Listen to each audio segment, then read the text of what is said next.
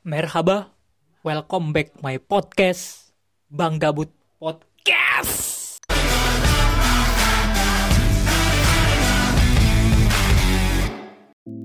Oke, podcast kali ini gue udah kedatangan bintang tamu, bukan bintang tamu juga sih, sebetulnya anak serumah sama gue. ya, langsung aja ri perkenalan ri. Ya, Bismillah. Nama apa nih? Gua aneh saya. Nama gue aja. Nama aku ya enaknya. Ya, selalu dah. Nama aku Fahri Norobani. Mahasiswa Kit Clarelli. Jurusan apa nih? Wah, rahasia lah pokoknya. Pokoknya suram aja. Nah, ya suram.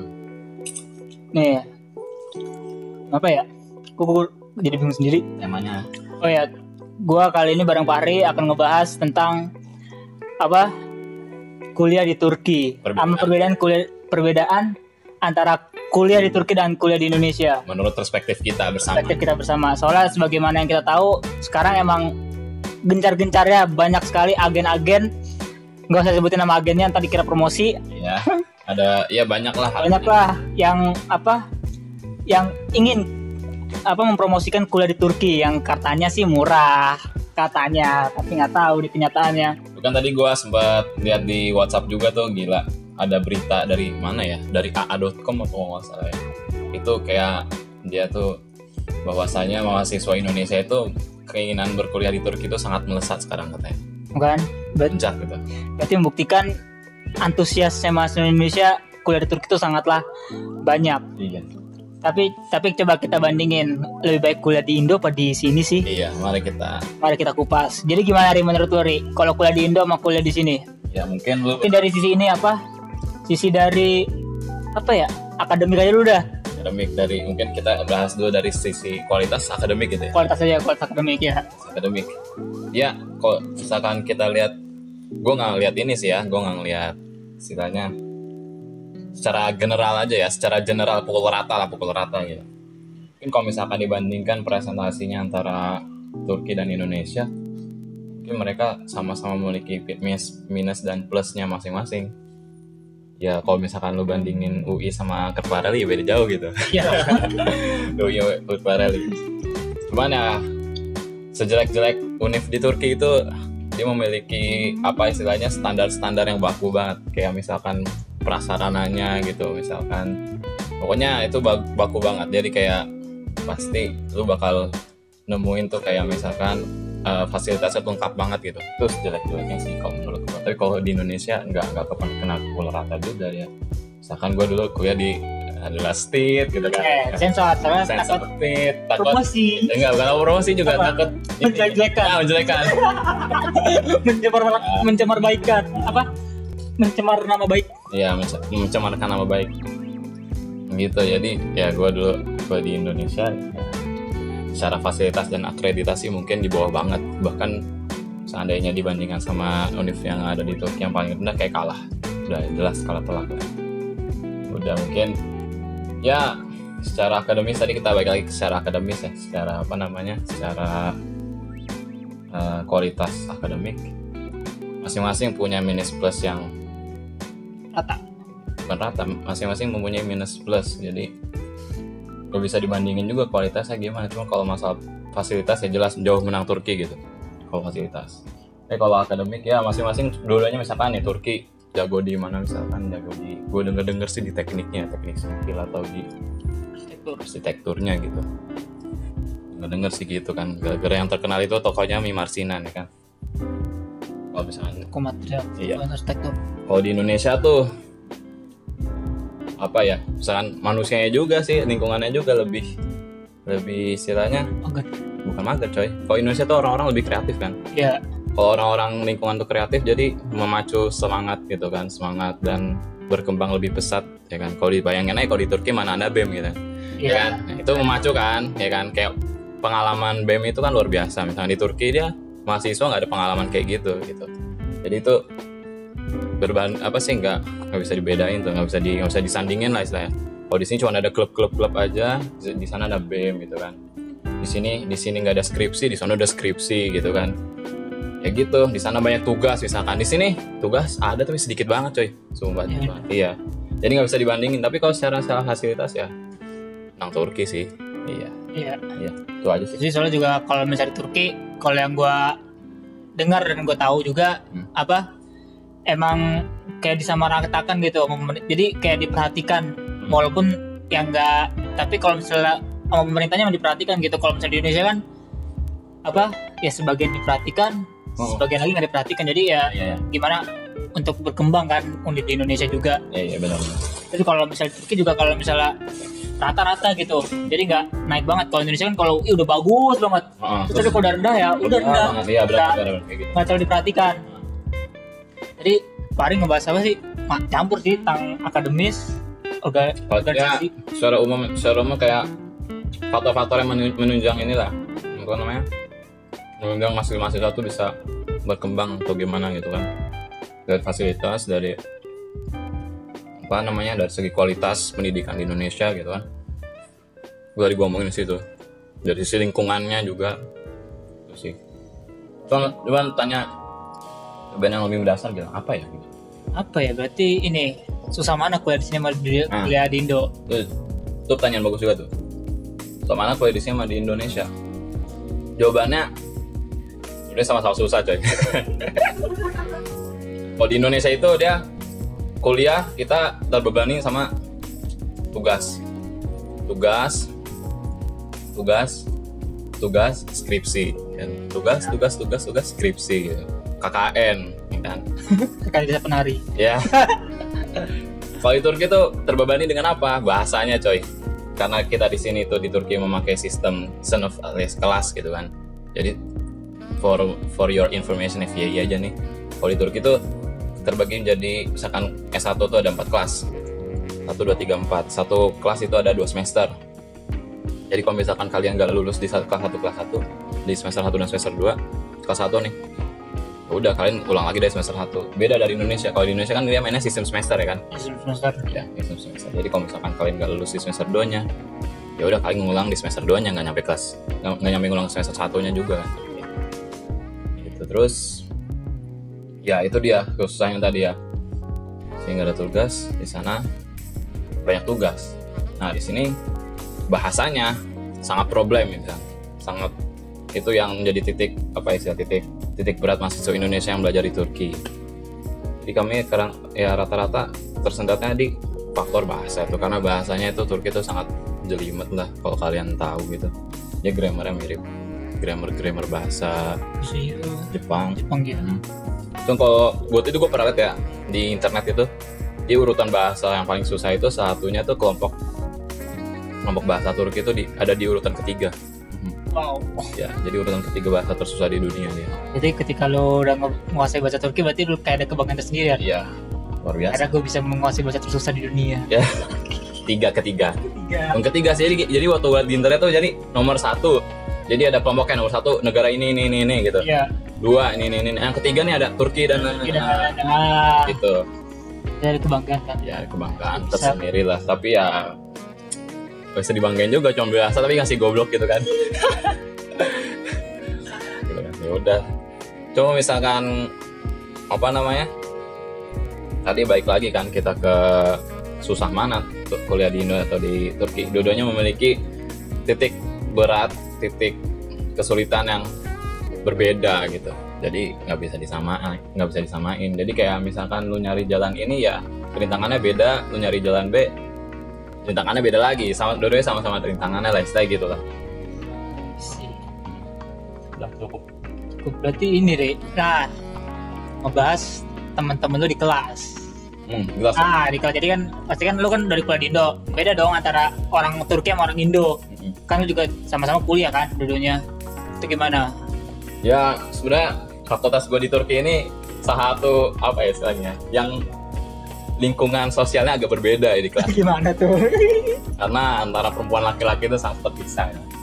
sama juga waktu gue kuliah di Indo juga agak terpisah cuman bedanya gue bisa komunikasi dengan baik dengan teman-teman gue di kelas soalnya tidak terkendala dengan masalah bahasa di sana Jadi, kalau di ya secara umum sih gue lihat gue lihat teman-teman gue aja sekarang yang Iya. kuliah di Indo ya ya mereka ngebaur aja sih biasa gitu kan antara perempuan laki-laki mereka akrab-akrab aja sih yang gue lihat sih dari snap snapgram mereka gitu kan snap snap kan. Bagi sekarang teman-teman gue itu lagi masa-masa setelah KKN tuh kemarin habis KKN Jadi sebenarnya nggak? ya enggak juga lah. Gue nggak tahu tuh gue udah bos banget lah. Masalah desa-desa penari tuh. tapi emang sempat ini juga sih agak tertarik juga kemarin ya. Cari ya. Minta dicari, penonton. iya. Ya cuma kepo aja kepo sekedar kepo.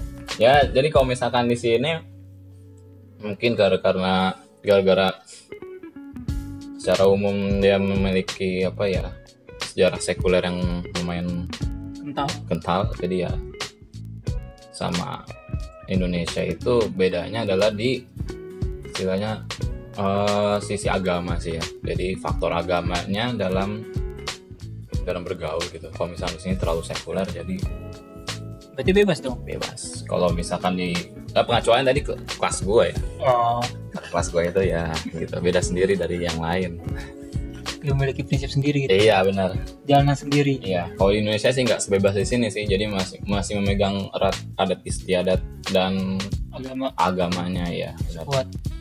Kalau di sini berarti sebagian sebagian apa? Sebagian bisa be- sebagian bebas, Hmm. tapi kira di fakultas lu emang kayak pengecualian. Ya, benar. benar. Dan ya lingkungan di sini mahasiswanya dengan lingkungan di Indonesia juga berbeda. Mereka di Indonesia lebih istilahnya lebih aktif dalam berorganisasi secara umum ya. Kalau misalnya di sini ya, gue liatin sih biasa-biasa aja gitu. Ada sih organisasi cuma klub-klub aja cuma di universitas. Jadi ya, mungkin insting mereka dalam berorganisasi kurang terlatih juga kalau di sini. Itu sih. Orang Indo lebih dalam organisasi berarti orang Indo kayak Yes, lah. yang gue lihat sih kayak gitu sampai saat ini nggak tahu ya kalau misalkan di univ lain seperti apa mungkin kalau misalkan ada yang lebih ada yang tahu atau ada yang lihat perbedaan di kampusnya bisa nanti komen di bawah atau gimana iyalah pokoknya bisa komen lah. Iya. Tapi kalau misalnya gue lihat kayaknya emang kalau untuk masuk Indonesia ya Mm. lebih condong ke ini mana PPI organisasinya Iya. daripada ke organisasi kampus sendiri benar-benar ya kan? Heeh. lebih lebih enjoy ya. Lebih enjoy. Lebih untuk aktif sana. aktif di PPI daripada organisasi kampusnya masing-masing. Mungkin pengecualian untuk orang-orang yang udah istilahnya kayak master banget di bahasa Turkinya gitu. Beda. Bisa aktif mungkin di sana. Kayak misalkan udah selesai S1 di sini terus S2 lanjut lagi. Itu kalau misalnya ngotok gitu bahasa Turkinya. Ya itu kalau misalnya sini udah aktif banget udah kayak mungkin bakal di ini diundang mana kayak seminar-seminar gitu. Iya. Kayak gitulah kayak ya udah skip lah skip. Skip lah skip lah kan ya teman Mm-mm. sekarang lingkungan lingkungan tempat tinggal lo Oh lingkungan tempat tinggal ya, yaudah gue pukul rata secara umum lagi karena gue baru dikit. Dan lingkungan yang gue kuliah waktu di Indonesia tuh beda sama lingkungan anak-anak negeri karena gue bukan PTN ya. aduh yang gitu dong. Iya dulu gue ya beda, beda ya. beda. Ya kalau di Indonesia ya lebih lebih ke apa ya? Anak-anak mayoritas pada ngekos ya ya pasti ngekos. Kata- karena kalau misalkan nggak ngekos rumahnya di Jakarta ngampusnya di Jogja itu bolak balik gimana gempor nah kalau misalkan apa namanya di sini ya nggak jauh-jauh juga ngekos cuman bedanya lebih elit dikit lah. Namanya kita apartemen. Iya. Kalau di kos kosan sih ya gue sempet lah nginep nginep beberapa kali kos kosan teman-teman gue tuh ya beda-beda sih. Ada yang kos kosannya mahal ada yang kos kosan yang murah. Ada yang kosnya bukan ngekos tapi ngontrak rumah setahun gitu. Ada yang kayak gitu. Ya ya kalau misalkan di sini lebih elit aja sih. Kalau rumah yang murah aja tuh rumah yang murah aja udah standarnya udah bagus banget sih sebenarnya Kalau menurut gua ada air panasnya. Panas ya. ya. Ya kamar mandinya bagus. Kalau ada panas mati lah musim dingin. Iya. Ada heaternya ada ruang tamu ada dapur macam-macam macam-macam gitu. Jadi kalau lingkungan Indonesia ya namanya juga negara berkembang ya bukan merendahkan ya. Tapi ini juga berkembang di sebetulnya tengahnya. Gitu ya. ya masih belum kayak belum negara maju. Hmm, tapi gue suka sih malah di sini daripada, daripada di Indonesia. Kalau misalnya dari lu, lu seret lu seret masalah lingkungan aja ya Hmm. Daripada di Indonesia gue milih sini kalau masalah lingkungan. Karena udaranya bersih nggak ada nyamuk polusinya sedikit. Ini kan tapi kecoa banyak ya itu cuman musim panas aja. gimana doang.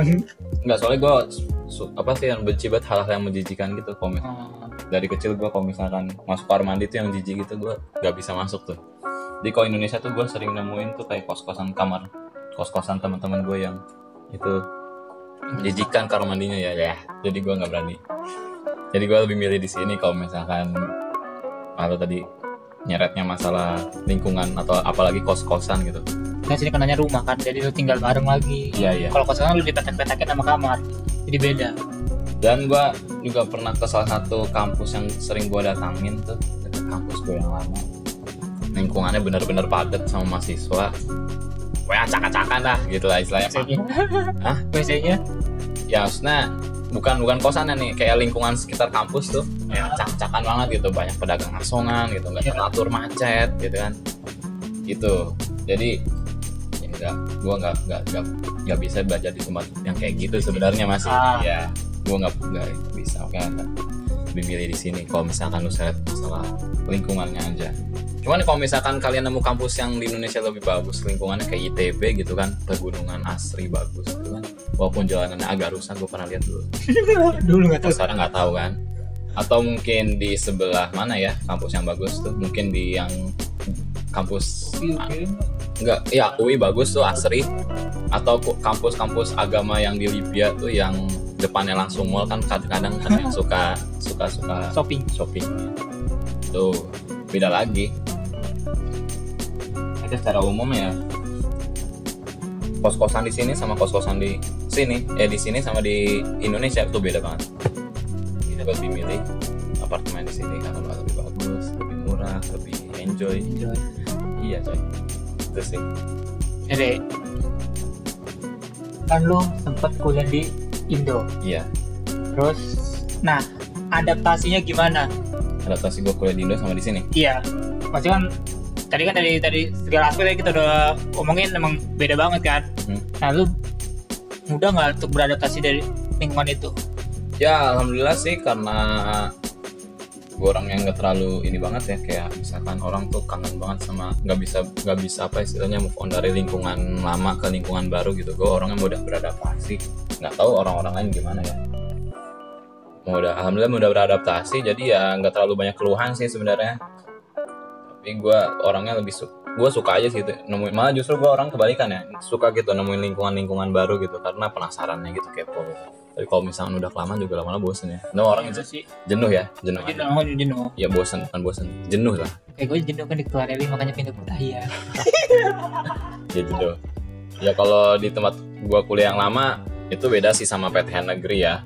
Karena ya gua nggak bisa sebutin secara inilah secara lengkap. Yang jelas gua kuliah dulu tuh di sebuah kampus yang terpencil dan nggak orang banyak tahu tapi orang pasti tahu nggak dijelasin? Nggak iya orang pasti tahu kalau misalnya gue sebut lembaga yang ngediriin kampus itu. Jadi orang tahu pasti cuma tahu lembaganya tapi Iya. kampusnya nggak tahu. Heeh. gitu tapi kalau misalkan gue sebutin kampusnya mana tuh? Gitu. Nggak tahu dia. Jadi ya overall sanskui sih sebenarnya mah. Nggak ada masalah dalam beradaptasi nggak tahu yang lain gimana. Karena di sini juga apa ya biasa-biasa aja maksudnya nggak ada ya nggak ada kendala yang berarti lah bagi hidup gua gitu kalau beradaptasi di sini kecuali masalah bahasa tadi itu pasti semua kena. Sih semua mahasiswa di sini pasti. Namanya juga kuliah di luar negeri pasti harus adaptasi sama bahasa. Ya benar. Adaptasi dengan bahasa yang paling berarti bagi gue dalam hal-hal adaptasi tadi tuh. Itu dia sih. Kalau yang lainnya ya santai sih. Alhamdulillah teman-teman mau mau lingkungan mau apalagi mau dosen-dosen ya kalem lah. Itu mah Hmm. di skip skip aja lah. Yang gak enak di skip yang enak diinget-inget aja gitu. Itu aja. Jadi lu di Indo kuliah udah beberapa semester sih? Gua di Indo waktu itu kuliah sampai sempet setahun kan dua semester dua semester full. Mm-mm. ada penyesalan nggak sih ketika lu di sini? Kenapa lain lu kuliah apa agama Eh, eh, dibocorin kan? ya nggak apa-apa. kan lu lu sini oh iya, Oh iya. lupa gua tadi di- tadi kuliah stit gitu ya. Lu, oh iya lu, lu, lu sensor tuh. iya kan di sini keceplosan ya udahlah baru emang sini ngambil basic agama udah udah gitu Iya, itu aja. jadi mau disensor tapi sekarang udah gue bongkar bongkar keceplosan Nih, kan lu di Indo kan basic kuliahnya agama Iya. Pokoknya agama udah agama apa lah agama Kristen agama masih agama masih sensor kan? Iya, agak pasti. masih agama stit Ah. nah kan lu basic agama nah ketika lu ada nggak sih rasa penyesalan ketika lu pindah ke sini? Kan belum masuk udah satu tahun. Nih berarti kan udah semester kan? Mm-mm. nah itu kan lu pindah sini terus ngulang lagi kan? Nah itu ada rasa penyesalan gak sih? Baik mungkin gua di sini uh, sedikit nge-sharing juga bagi orang-orang yang apa namanya istilahnya ny- mencari ilmu agama ya. Terut uh, terutama spesifiknya ini agama Islam gitu. Karena gua di sini juga apa nggak apa ini pak buat pelajaran aja lah. Iya. pelajaran bagi nanti yang dengar podcast ini ada orang yang mau ngambil jurusan agama di Turki atau ilahiyat atau teologi. Apa pun itu yang berhubungan dengan agama. Kalau dibongkar makin dibongkar kan lu ya nggak apa pelajaran aja. pelajaran aja. Kalian harus mikir-mikir lagi kayak di sini tuh beda sama Timur Tengah gitu. Soalnya dalam hal keilmuan itu kalau misalnya kalian mau ambil keilmuan silahkan ambil aja langsung ke Timur Tengah. Madinah, Saudi, Maroko, Sudan, Mesir, Libanon, ambil yang kayak gitu gitulah. Atau kalau mau di Indonesia lebih baik juga bisa kayak Libya gitulah, Anu Aimi atau lembaga-lembaga lain yang men- menyediakan istilahnya perguruan tinggi ya, perguruan tinggi yang keagamaan. yang jurusannya agama. Atau di UIN juga boleh, sabi lah itu mah. Kalau misalkan dalam segi keilmuan mungkin apa ya? Syariahnya lah gitu lah. Itu bisa kita nilai mungkin oke fine lah. Bagi bagusan Indo atau bagusan Timur Tengah gitu. Iya.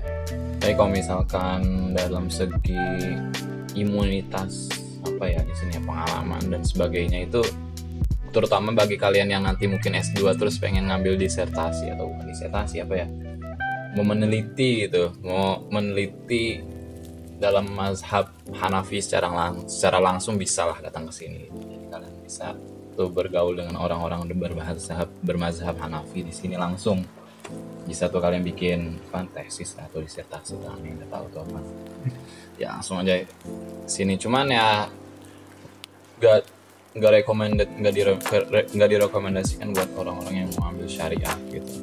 Karena secara umum universitas negeri di Turki itu kalau misalkan dia mau ambil ilahiyat atau agama itu pasti bahasa pengantarnya adalah bahasa Turki walaupun ada beberapa fakultas atau beberapa universitas yang menyediakan eh, program bahasa Arab walaupun hanya sekian persen gak mungkin full adapun yang full menyediakannya itu adalah swasta biasanya bukan negeri.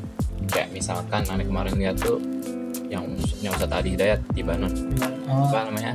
Basya Syehir kayaknya. Di Basya Syehir ada universitas yang bekerja sama dengan Libanon oh, ada juga mungkin pihak swasta yang bekerja sama dengan Suriah. Ada juga yang mungkin pihak swasta yang bekerja dengan negara-negara Timur Tengah lainnya dan mendirikan universitas Islamnya di Turki tapi itu bukan negeri itu swasta itu boleh tuh itu recommended banget sih cuman kalian harus dia istilahnya budget budget yang lumayan banyak gitu karena swasta gue denger dengar sih kemarin mahal juga gitu iya Iya. Cuman ya gue nggak ada penyesalan sama sekali bener.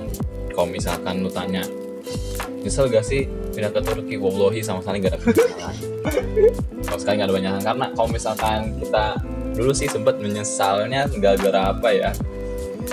Sempet nyesal coba saking saking udah gak nyesal lagi kan udah lupa nih gue lupa gak nyesal gara-gara apa. lu bisa ikut pelajarannya Nah iya, gua nyesel gara-gara eh kenapa sih kita belajar agama tapi bahasa Turki gitu? Ah, Nah itu gue nyesel di situ. Kenapa sih kita belajar agama yang harusnya itu bahasanya pengantarnya adalah bahasa Arab karena ngucurnya langsung dari bahasa Arab gitu kan? Kok kalamullah kan Quran bahasa Arab gitu. Jadi kita harus kalau misalkan mau belajarnya langsung ya pakai bahasa Arab lebih mudah gitu.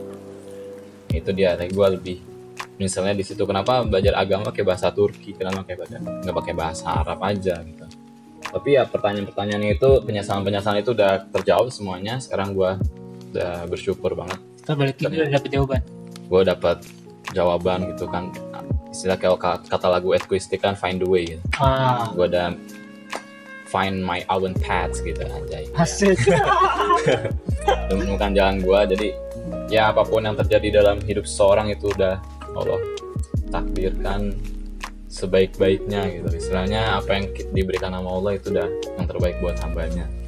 Jadi ya gue udah bersyukur banget. Karena sekarang kesimpulan gue dari kuliah agama itu kalau misalkan lo kuliah di Turki. Eh kalau misalkan kuliah di Timur Tengah ngambil jurusan syariah atau suludin atau lain-lain gitu itu menurut gua seperti apa ya? Eh,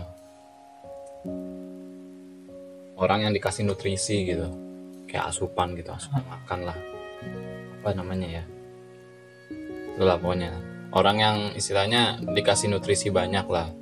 Tapi kalau orang yang ngambil kuliah mas jurusan agama terus ke Turki ngambilnya itu dia imunitas coy Ya, betul. imunitas tuh kayak membentuk kekebalan diri sendiri karena karena ya menurut gua kalau misalnya lu ngambil kuliah agama di Turki ketika lu nanti diterjunkan ke ke dalam realita kehidupan yang sebenarnya lu nggak bakal kaget sih gitu aja Biasa aja. karena lingkungannya memang sudah keras Keras. Lu Kalau dari kan ngomongin fakultas lo agama. Hmm. Soalnya juga orang mungkin orang-orang di Indo atau enggak ya pendengar-pendengar gue juga mungkin mungkin ada takut gitu ngambil kuliah agama di Turki karena kan kalau di kalau dan kalau di Indo kan mungkin Turki kental banget dengan namanya Sufi. Nah, lu ketika kan lu udah belajar agama langsung di apa Turkinya, bener nggak sih dengan perspektif orang-orang Indo kayak gitu? masalah sufi ya Oh, masa Sufi, ya walau alam sih se- selama sejauh ini gue belum terlalu banyak belajar tentang sufi lebih dalam lagi mungkin ada banyak yang tahu nanti pendengar kita jadi gue nggak mau ngomong terlalu banyak masalah sufi jadi yang jelas kalau misalkan sufi itu kalian bisa cek sendiri di Google lah gitu Martin Sufi apa itu Sufi? Hmm, kayak semacam tarekat atau enggak sih beda sufi sama tarekat tuh beda. Sufi itu kayak apa ya? Semacam penyucian jiwa gitu ya. Iya, Hmm. Jadi kalau misalnya di Indonesia pandangannya gimana? Cap? ya mungkin kalau di Turki lu diajarin Sufi gitu kalau kalau pas lu kuliah Gua iya sih sebenarnya salah satu bentuk kesufi-sufian yang ada di Turki itu yang musik ya. nih Sema, sema, tari sema. ah Hmm. Jadi gue belajar Turkdin musikisi namanya. ya gitu dia Di musik agama Turki kalau misalnya di bahasa di bahasa Indonesia kan ya Turkdin musikisi. Jadi ya mereka berpandangan dalam pelajaran itu sih yang secara yang selama ini gue tangkap nggak tahu gue salah tangkap atau enggak namanya bahasa Turki gue kadang-kadang suka nggak nangkep ya. Jadi eh, musik itu penting dalam agama karena eh, salah satu salah satu kepentingannya adalah kita dianjurkan untuk membaca lantunan ayat suci Al-Quran dengan indah, ya kan? Ah. Nah, itu dia pentingnya untuk belajar nada-nada, ya kan? Do, re, mi, fa, sol, la, si, do. Ya, oh eh, tonton gitu kan, nada-nada, not-not, ya kan? Itu dia pentingnya kita eh, belajar. Kalau misalnya kita nggak tahu nada, kita nggak tahu dong cara ngelaguin atau di Indonesia ada namanya langgam ya. nggak ah, Langgam kan kidung gitu kan iya pakai langgam atau pakai nada-nada itu dengan indah dengan melantunkan ayat suci Al-Quran ya kan kalau misalnya kita nggak tahu nada tapi kalau kita tahu nada gitu kan mungkin bisa jadi kayak apa namanya yang di gereja-gereja tuh jadi indah banget kan lantunan lagu-lagunya. Ah. Mungkin seperti itu lah tapi gua nggak gua gua itu perspektif gua sendiri ya kojanya bilang kayak gitu. Supaya kita bagus dalam melantunkan ayat Al-Quran bagus dalam melantunkan azan. Dan dan juga bagus dalam melantunkan salawat-salawat Nabi gitu. Iya ada kan? Mulia sekali tujuannya. Ya mulia tujuannya. Tapi alhamdulillah gara-gara itu gue jadi tahu tuh kayak ya beberapa pelajaran tentang musik lah. Itu sih. Terus? Sih. Udah ya cukup. Udah mungkin cukup sih. Kalau berapa menit coy ya 30 menit lah lumayan. Setengah jam ya? Setengah jam ntar juga dikat tuh pasti ada iya iya iya iya. Ya mungkin sekian pendengar kalau misalnya lu ada apa ada komen atau ada koreksi? Koreksi silakan di komen aja. Komen aja sih Ah. di email gua atau enggak lu kalau misalnya ini bagus share aja lagi. Iya share di lagi. IG terus habis itu lu kasih komennya nih gimana bagusnya gitu. Atau kalau ada tambahan tentang Turki mungkin bisa di komentar di episode selanjutnya bakal gue bahas lagi. Kan ya versi apa Hmm. Fahri anak ilahiyat Kareli siapa tahu ntar ada lagi versi bocah-bocah lain nggak tahu dan ntar ntar ke depannya. Kita closing dulu gak nih dengan Iya. kata-kata gitu kan Udah closing Ray, silakan. Oke, gue closing ya. Jadi dalam uh, segmen kali ini intinya adalah membandingkan Indonesia kuliah di Indonesia dan kuliah di Turki ya. Masing-masing orang punya pendapat masing-masing, masing-masing orang punya apa namanya seleranya masing-masing. Intinya setelah kalian memilih itu, pertama itu syukurin, syukurin apa yang kita udah dapat selama ini, gitu kan. Mau di Indonesia, mau kayak di Turki, syukurin. Habis itu jalanin dengan sepenuh hati, jalanin dengan apa istilahnya ya kepercayaan diri kalau ini memang udah takdir Allah yang bagus gitu buat kita itu aja sih Tapi jangan kalau bisa jangan diputus tengah jalan sih. iya betul itu dia bertanggung jawab dengan pilihan sendiri yang paling penting Nah, itu dia. Oke. Mungkin sekian episode kali ini. Kurang lebihnya mohon maaf and keep stay tune in Bang Gabut Podcast. ya